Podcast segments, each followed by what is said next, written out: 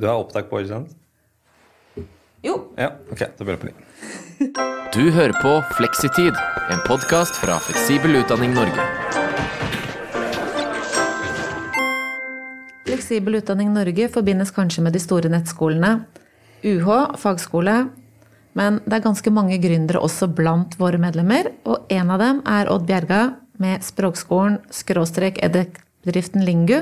Og siden han selv må kalles en innovatør, og han leder en mellomstor virksomhet der innovasjon er et suksesskriterium, så var det naturlig å invitere ham til å snakke om innovasjon med oss. Og så finnes det én grunn til. Fleksitid er Funns første forsøk på podkast, og det er et ektefødt barn av Lingus egen podkastinnovasjon, som vi har hørt om i podskolen. Så da er mitt første spørsmål hvem er Odd? Ja, jo, takk for at jeg fikk lov til å komme til podkasten deres. Jo, jeg heter jo da Odd. Ehm, Jeg er fra, som du hører, fra Vestlandet. Jeg kommer fra ei lita øy. Og ehm, jeg vokste vel opp eh, med eh, i, i sånne naturlig trange rammer. Og så eh, fikk, fant jeg ut at den øya vår den var ikke hele verden, det var en større verden der ute. Og fikk da en trang til å utforske den. Så det har jeg gjort eh, både både med reiser, med å studere filosofi og språk og religion og eh, interkulturell kommunikasjon. Jeg tror kanskje noen vil beskrive meg som en eh, intens person eller kontroversiell, kanskje sta. Og andre vil kanskje beskrive meg som en visjonær leder. Alt etter hva fortegn du har i, eh, i hva inntrykk du har. Jeg tenker kanskje på meg selv som en generalist, i motsetning til spesialister. Det er det mange av jeg lever på en måte i framtida, i motsetning til de som lever i fortida eller i nuet.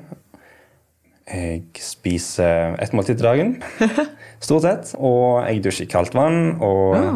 eh, liker stiløping. Har litt sær kombinasjon, tror jeg. Leser sci-fi òg. Ja. Litt annerledes. ja, kanskje. Spennende. Nå har jo alle begynt å isbade under koronaen, men å dusje i kaldt vann tror jeg fortsatt sitter langt inne hos folk flest. Ja, isbading tar jeg som en selvfølge. Strømsparende i hvert fall. ja, det er det òg. Mm. Men du, det jeg vet om Lingu, det er at dere altså både er en språkskole og en edec-bedrift som underviser i norsk og også andre språk. Og så har dere ca. 5000 deltakere gjennom året som ivaretar 86 medarbeidere. Så da tenker jeg at dere må ha gjort noen litt lure grep. Ja, det har vi kanskje. Vi, vi er organisert sånn at vi har et uh, ganske stort team som er pedagogisk og jobber med undervisning. Og så har vi et team som er, jobber med um, innholdsproduksjon, bl.a. podkast. Og så har vi et eh, IT-team, eh, IT slash design, som jobber med å lage de plattformene der innholdet leveres og distribueres. Og så har vi et markedsteam som hjelper oss å få kommunisert ut eh, det vi lager, og det vi tilbyr til, til markedet eller til omverdenen. Ja. Kan du raskt sette oss inn i Lingu, sånn fra historien fra du fikk en god idé? Og, eller var det egentlig du som fikk den ideen? Eller var det noen andre? Ja, det, det var jo egentlig det. da. Jeg, eh, det var i 2008. Jeg eh, jobbet med asylsøkere her i Oslo. Og jeg møtte da en Jeg var, jeg var interessert i å lære fransk på den tida. Jeg har lest litt forskjellige språk, men på den tida var det fransk. Og så kom jeg i kontakt med en asylsøker fra Algerie som var fransklærer. Han var interessert i jobb. Jeg var interessert i å lære fransk. Eh, og den organisasjonen som jeg jobbet i, eh, KIA, de eh, hadde ledig klasserom på kveldstid. Så da så jeg at det var en her er det en vinn-vinn-situasjon. Hvis jeg finner noen flere som vil lære fransk sammen med meg, så får, får jeg lært fransk, han får jobb, og eh, organisasjonen får eh, leieinntekter. Så det bare sa jeg på en måte klikk at det var en, så en mulighet der for oss å mm, prøve å få til noe. Og noen måneder senere så hadde vi da lansert nettsiden linge.no. Det var slutten av 2008. På den innskytelsen da, at eh, vi ville bringe innvandreres kompetanse til det norske publikum, var vel kanskje vår første eh, forsøk på oppdragsbeskrivelse.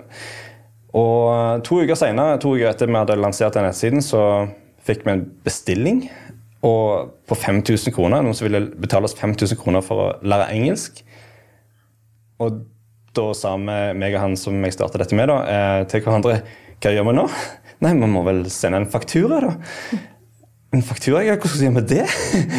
Så det starta på en måte veldig med Ok, her er, vi står for en ny utfordring. Her må vi finne en løsning og så finne ut, finne ut alt. da. Så da begynte læringen der. og Både læringen på hvordan vi skal drive en virksomhet, men òg hvordan vi skal hjelpe andre personer å lære et nytt språk. Så det var, det var egentlig de, den spede begynnelsen da, for allerede 14 år siden. Og da har du også holdt på med Lingu i 14 år. Og hva gjør dere for å holde innovasjonstakten oppe? Mm, da tenker du eh, Du håper kanskje at jeg har en sånn god metode med tre, tre steg, men, Ja, ja takk. men sannheten er at det er litt mer kaotisk eh, og impulsivt enn det. da. Jeg tror mye innovasjon er født ut av eh, nødvendighet. Altså Nød lærer naken kvinne å spinne, er det et gammelt ordtak som sier. Og det ligger en del sannheter i det. Eh, Personlig så kjenner jeg på en trang til å bryte konvensjoner og til å Det henger kanskje sikkert sammen med den oppveksten og vokse opp på en liten, liten plass. At jeg har lyst til å gjøre det. At jeg gjør det. Men det, det gjør at jeg har lyst til å bryte ned på en måte prosesser og, og måter vi gjør ting på, altså folk gjør ting på, eh, og bygge opp eh, Løse problemet på en ny måte. på en ny, eh, Bryte ned til byggeklosser, finne de første prinsippene, og så bygge opp en løsning basert på de første prinsippene. Så det er jo en eh, filosofisk tradisjon som går tilbake til stoisismen og til Aristoteles, eh, og blir brukt av mange. Eh, så det er ikke noe spesielt unikt, men det er en veldig spennende prosess. Jeg har noen metoder som jeg bruker også, sånn litt sånn i forlengelsen av det, som jeg kaller for reverse engineering. Jeg har ikke så mange gode norske ord for disse tingene, så jeg får mye inspirasjon fra engelsk litteratur. Så ja, reverse engineering er, er på en måte å se for seg hva steg må være på plass for at uh, denne drømmen skal bli en realitet. Og så jobbe seg tilbake. Se, se et framtidsbilde og så jo- jobbe seg tilbake til nåtiden. Bruker mye visualisering i det. Tenker ofte på hva jeg kan gjøre som har en ti gangers effekt, sånn 10x thinking. Den tror jeg du må forklare litt nærmere. Fordi jeg tror, jeg tror når du snakker om reverse engineering, Ja. så tror jeg at de som driver med utdanning, kjenner seg litt igjen. Um, For det er det de gjør når de bygger opp en, en læringsdesign, egentlig. De begynner med sluttresultatet. Hva slags kandidat, hva kjennetegner den studenten når den er ferdig? Og så jobber de seg bakover. Ja, Eh, sant? Læringsutbyttebeskrivelser. Ja. Ja. Mm.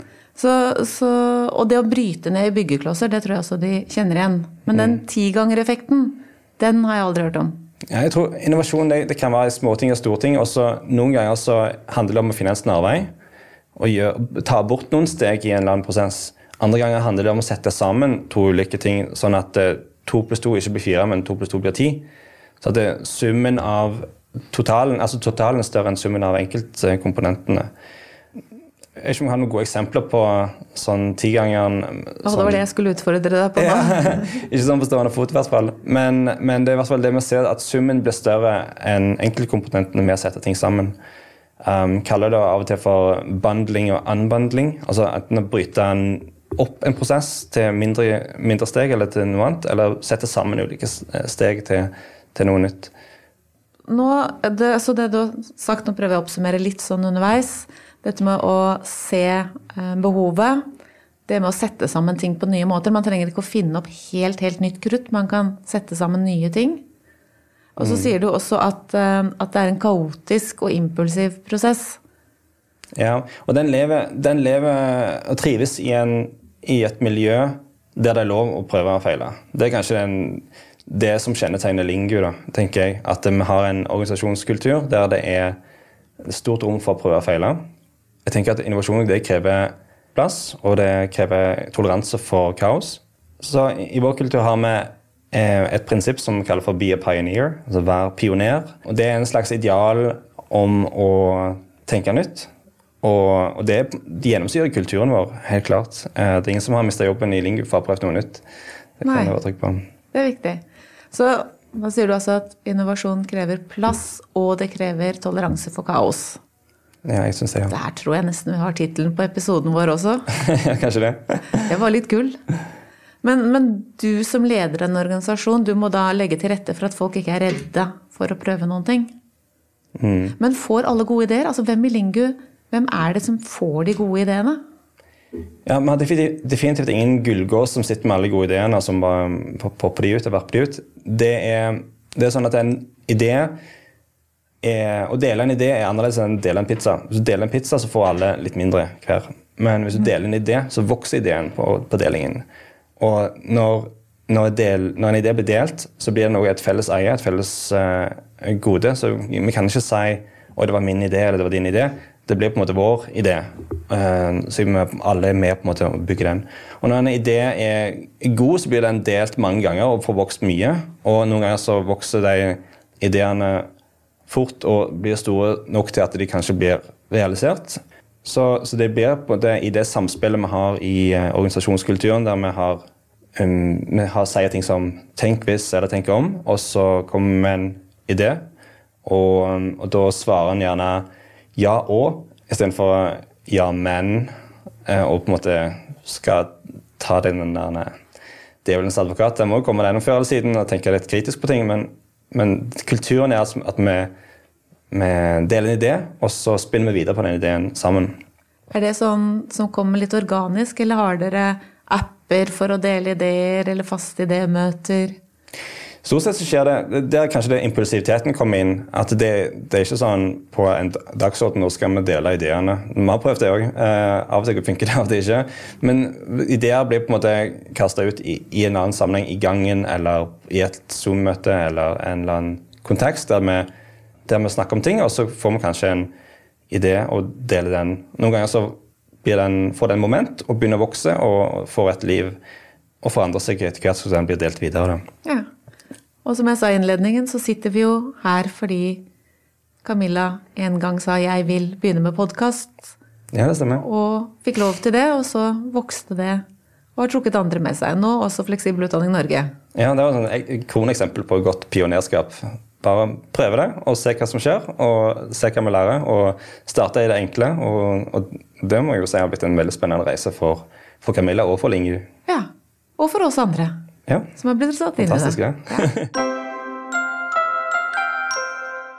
faste spørsmål. Vi har, vi har tre sånn faste spørsmål som vi stiller ekspertene våre. Vi kaller det eksperter, fordi på en måte så er det jo det det er. Det er jo de som har prøvd å innovere. Ja, det er nok det at vi ikke regner oss, eller jeg regner meg i hvert fall ikke som, som ekspert. Jeg kan jo si jeg har, litt, har prøvd å feile, og, og ja, har erfaring. Og da er det jo morsomt å spørre, har du noen gang forsøkt deg på en nyvinning som gikk skikkelig på trynet? Eller litt på trynet? Ja, helt klart eh, mange. Eh, men jeg foretrekker å snakke om resultatet av sånne prosesser som læring. For uansett hva, hva er det verste som kan skje? Det verste kan skje er at du lærer noe nytt, og at du vokser på den, den prøvingen og feilingen som du satte i gang med. Så, sånn sett blir det ikke en eh, Om det kan være du ikke oppnådde det du ville, eller du, du, ble, du fikk ikke moment eller fikk ikke um, realisert det du ville, så noen ville kanskje kalt det en fadese, eller noe sånt, så velger jeg heller tenke, heller tenke på det som en, en lærdom. Og det er ofte de største fadesene som er de største og mest verdifulle lærdommene. Ha. Du har ikke noe konkret eksempel? Et eksempel på I starten, når vi, når vi, en av de første årene, så hadde jeg en intens overbevisning om at vi skulle gå på radioreklame. At det var den veien som var for, Eller det var den beste måten å få inn nye deltakere på. Og vi investerte det som var en utrolig stor sum på den tida, inn i å få en profesjonell radiospot og sende det ut på, på radio. Så hadde vi sånne påmeldingsskjema der du kunne liksom huke av hvor, hvor hørte du om Lingu. Og vi hadde jeg tror det var sånn 200 påmeldinger i den, i den perioden. Og ingen av de svarte at de hadde hørt radiospotten. Og det var en ergrelse for meg som hadde valgt det. Og så hadde på den tida lagt meg en sånn oversikt på Hall of Shame, der vi på en måte lista opp de fadesene vi hadde gjort. på en måte gjorde noe nummer og le, le av hverandre og, ja, på den tida. Og da, da, var det på nummer én, da, med radiospotten som Odd var så engasjert i. Men, lærte, men hva lærte jeg av det? da? Jeg lærte at, at eh, mennesker To ting, iallfall. Mennesker husker kanskje ikke hvor de har hørt om, om Lingu. Kanskje de har bare hørt i forbifarten mens de kjørte bil. eller en eller annen sammenheng. Men det satte kanskje i gang en prosess med at de ville lære noe nytt. At det, ah, det var kanskje en idé som en kime, et frø, som, som vokste hos deg, og som ble til noe Kanskje det er en beslutning om eh, å lære seg et språk. Og ergo så mister du kontakten mellom det første første påvirkning som Lingo hadde på folk, og det som var faktisk det, utløsende, det som utløste beslutningen om å melde seg på kurs. Eh, det er ikke noe, er ikke noe kontakt eh, mellom, mellom deg, og det ser vi, det har jeg sett mange ganger andre steder i, i andre typer markedsføring som vi gjør, at det er ikke noen direktekobling mellom investeringen vår i Facebook eller i sosiale medier eller i et spesielt medium, og hvilke resultater det gir. Det er ingen én-til-én-forhold der. Så jeg lærte mye om, eh, om markedspsykologi og, og eh, årsak og virkning og pengebruk. Ja. Markedsføring er litt sånn som undervisning. Da. Det er uhorvelig vanskelig å trekke linjen fra hvilke tiltak og designer som fører til sluttresultatet. Ja, ja det, det, er ikke alltid godt å vite på forhånd. Men det er kanskje lett å knytte sammen, det er lettere å knytte sammen eh, punktene i ettertid. Men du vet, det er ikke så godt å gjøre det på forhånd. Det er lettere å være etterpåklok enn, enn å være forhåndsklok. Men det er jo kanskje noe av, av det vi syns er vanskelig innovasjon også. Det å måle resultatene. Altså, jeg tror mange får gode ideer, og noen klarer å handle på de ideene også. Men det å Som vi snakket om i forrige episode, hvordan, hvordan vet man om det virker?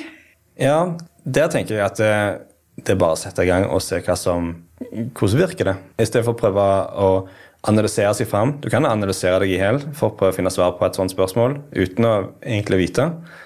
Men hvis du setter i gang og fører logg sjøl over hva du, hva du, lærer, hva du registrerer av, eh, av, endringer eller resultater, eller hva du er på en måte interessert i å se, så vil du få den læringen. Du vil, vil få det svar på det spørsmålet. Ja, Føre logg selv var jo et morsomt tips for alle som ikke klarer å finne den nøyaktige vitenskapelige metoden ja. for, for, å evaluere når man har prøvd noen ting. Da, at du faktisk noterer endringer.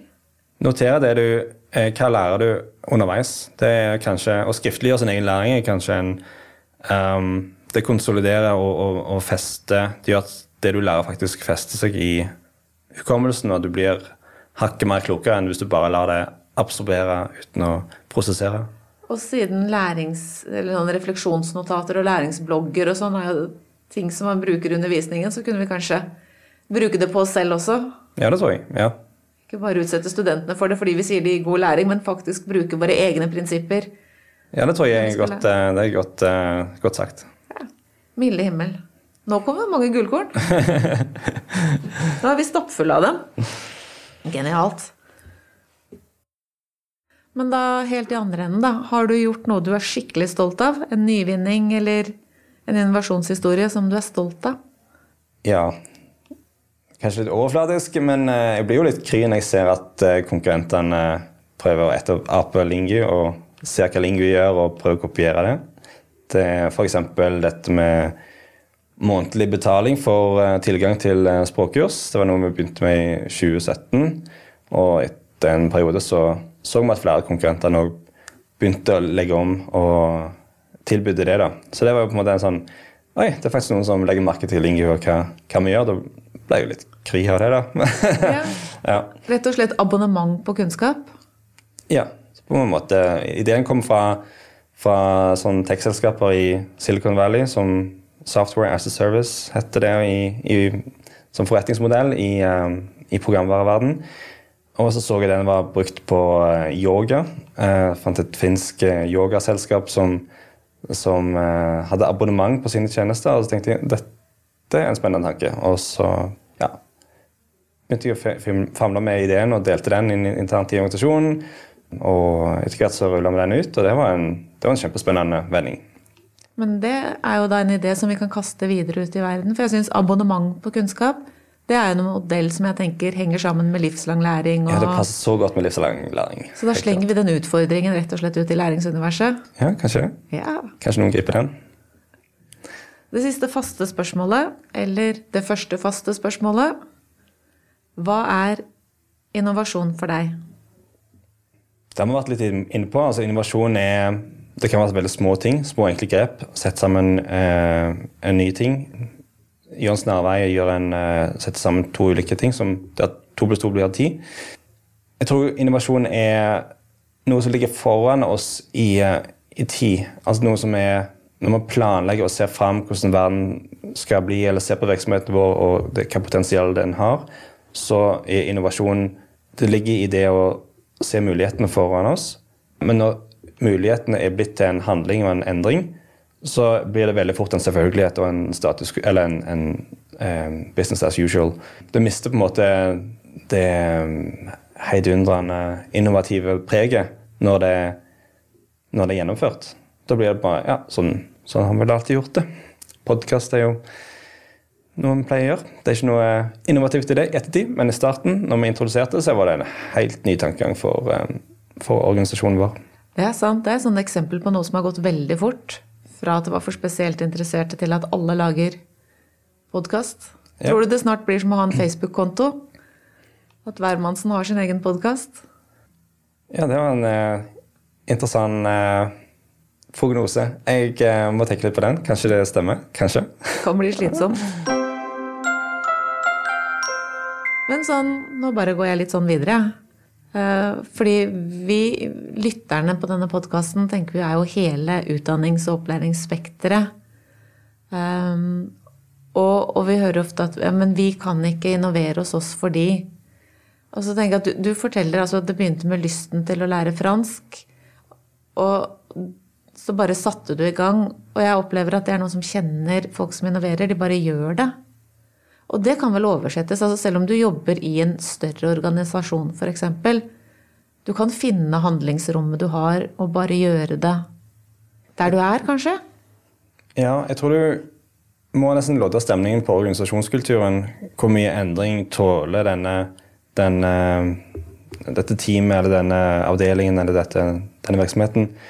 Og hvis det, du tror kanskje at det, innovative blir for eller det som du har lyst til å gjøre, da, er en såpass stor endring at eh, du kommer til å møte motstand, så må du gjerne være litt i forkant av det og kjøpe deg litt handlingsrom gjennom å eh, utfordre en leder eller få med deg noen flere på laget. Kanskje du, hovedopponenten som du tror den, som, den du tror vil være hovedopponenten her, kanskje få den med i starten gjennom en tankeprosess og involvering.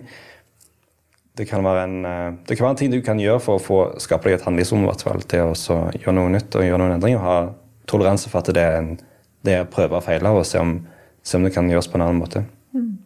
Når det gjelder å skape en organisasjonskultur, enten det er i hele virksomheten eller i avdelingen, hvor viktig er lederen? Altså er det, er det på en måte står og faller innovasjonskulturen med lederen, eller kan man få en Kan man lære opp en leder? Kan man få en god kultur uten at lederen er helt med på laget? Altså jobbe rundt det på en måte? En slags workaround?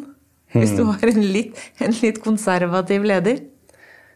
Ja, Det var et godt spørsmål. Jeg tror eh, organisasjonskulturen i enhver organisasjon er alltid farga av de som er ledere, de som har stor innflytelse.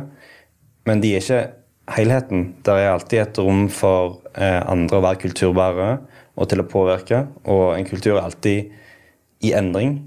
Den er aldri statisk. Så, så ja, ledere har nok en stor påvirkningskraft, men det betyr ikke at eh, hvis, eh, eh, hvis du ikke er en leder, så har du ingen handlingsrom heller. Du har mulighet til å kunne sette nye ting på agendaen.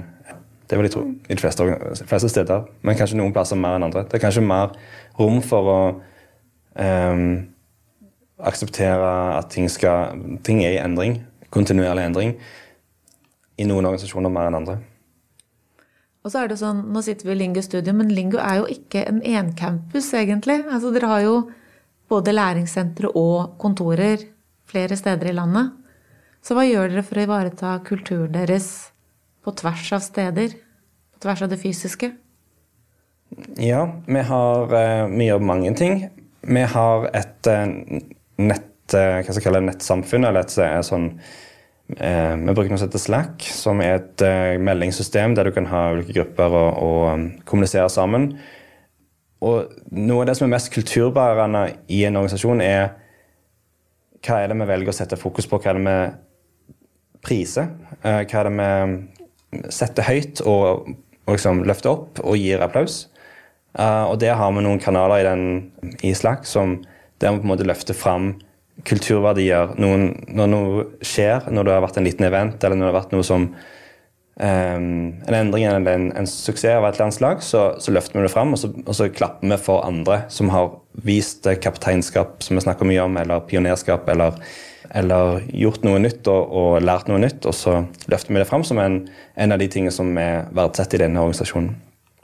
Eh, og Det kan en gjøre både, det har vi fått til å gjøre på nett, eh, og det går fint an å gjøre det i, i fysiske rom. og ja, Det handler om det er vel kanskje der ledere kan påvirke mye. At lederne bestemmer hva det som er verdt å sette ord på, sette navn på og løfte fram og eh, sette blikket på. Ja. Er det sånn da at man feirer suksessene sammen og tar tabbene på bakrommet, eller kan man feire feilslåtte forsøk også? Ja, da kan vi feire læringen. Hva lærte vi av dette? Dette gjør oss klokere, dette gjør oss mer rusta til å takle nye utfordringer i framtiden. Så vi vinkler det i en positiv retning i så fall. Jeg tror ikke vi feirer fadeser som en fadese. Det gjør vi nok ikke. Man får ikke kake bare for å gjøre feil? Nei, du får kake for uh, stor lærdom. Blitt klok person. Ja. Ja. Genialt. Ja. Flott. Og kontinuerlig utvikle og drive en sånn skole, det må jo det må jo også være slitsomt. Hva er det i, i Lingus verdier som gjør at du syns at det er poeng å holde på, at det er poeng å bruke krefter på å innovere og utvikle? Det handler om, det handler om menneskene. Det handler om å hjelpe mennesker løfte blikket.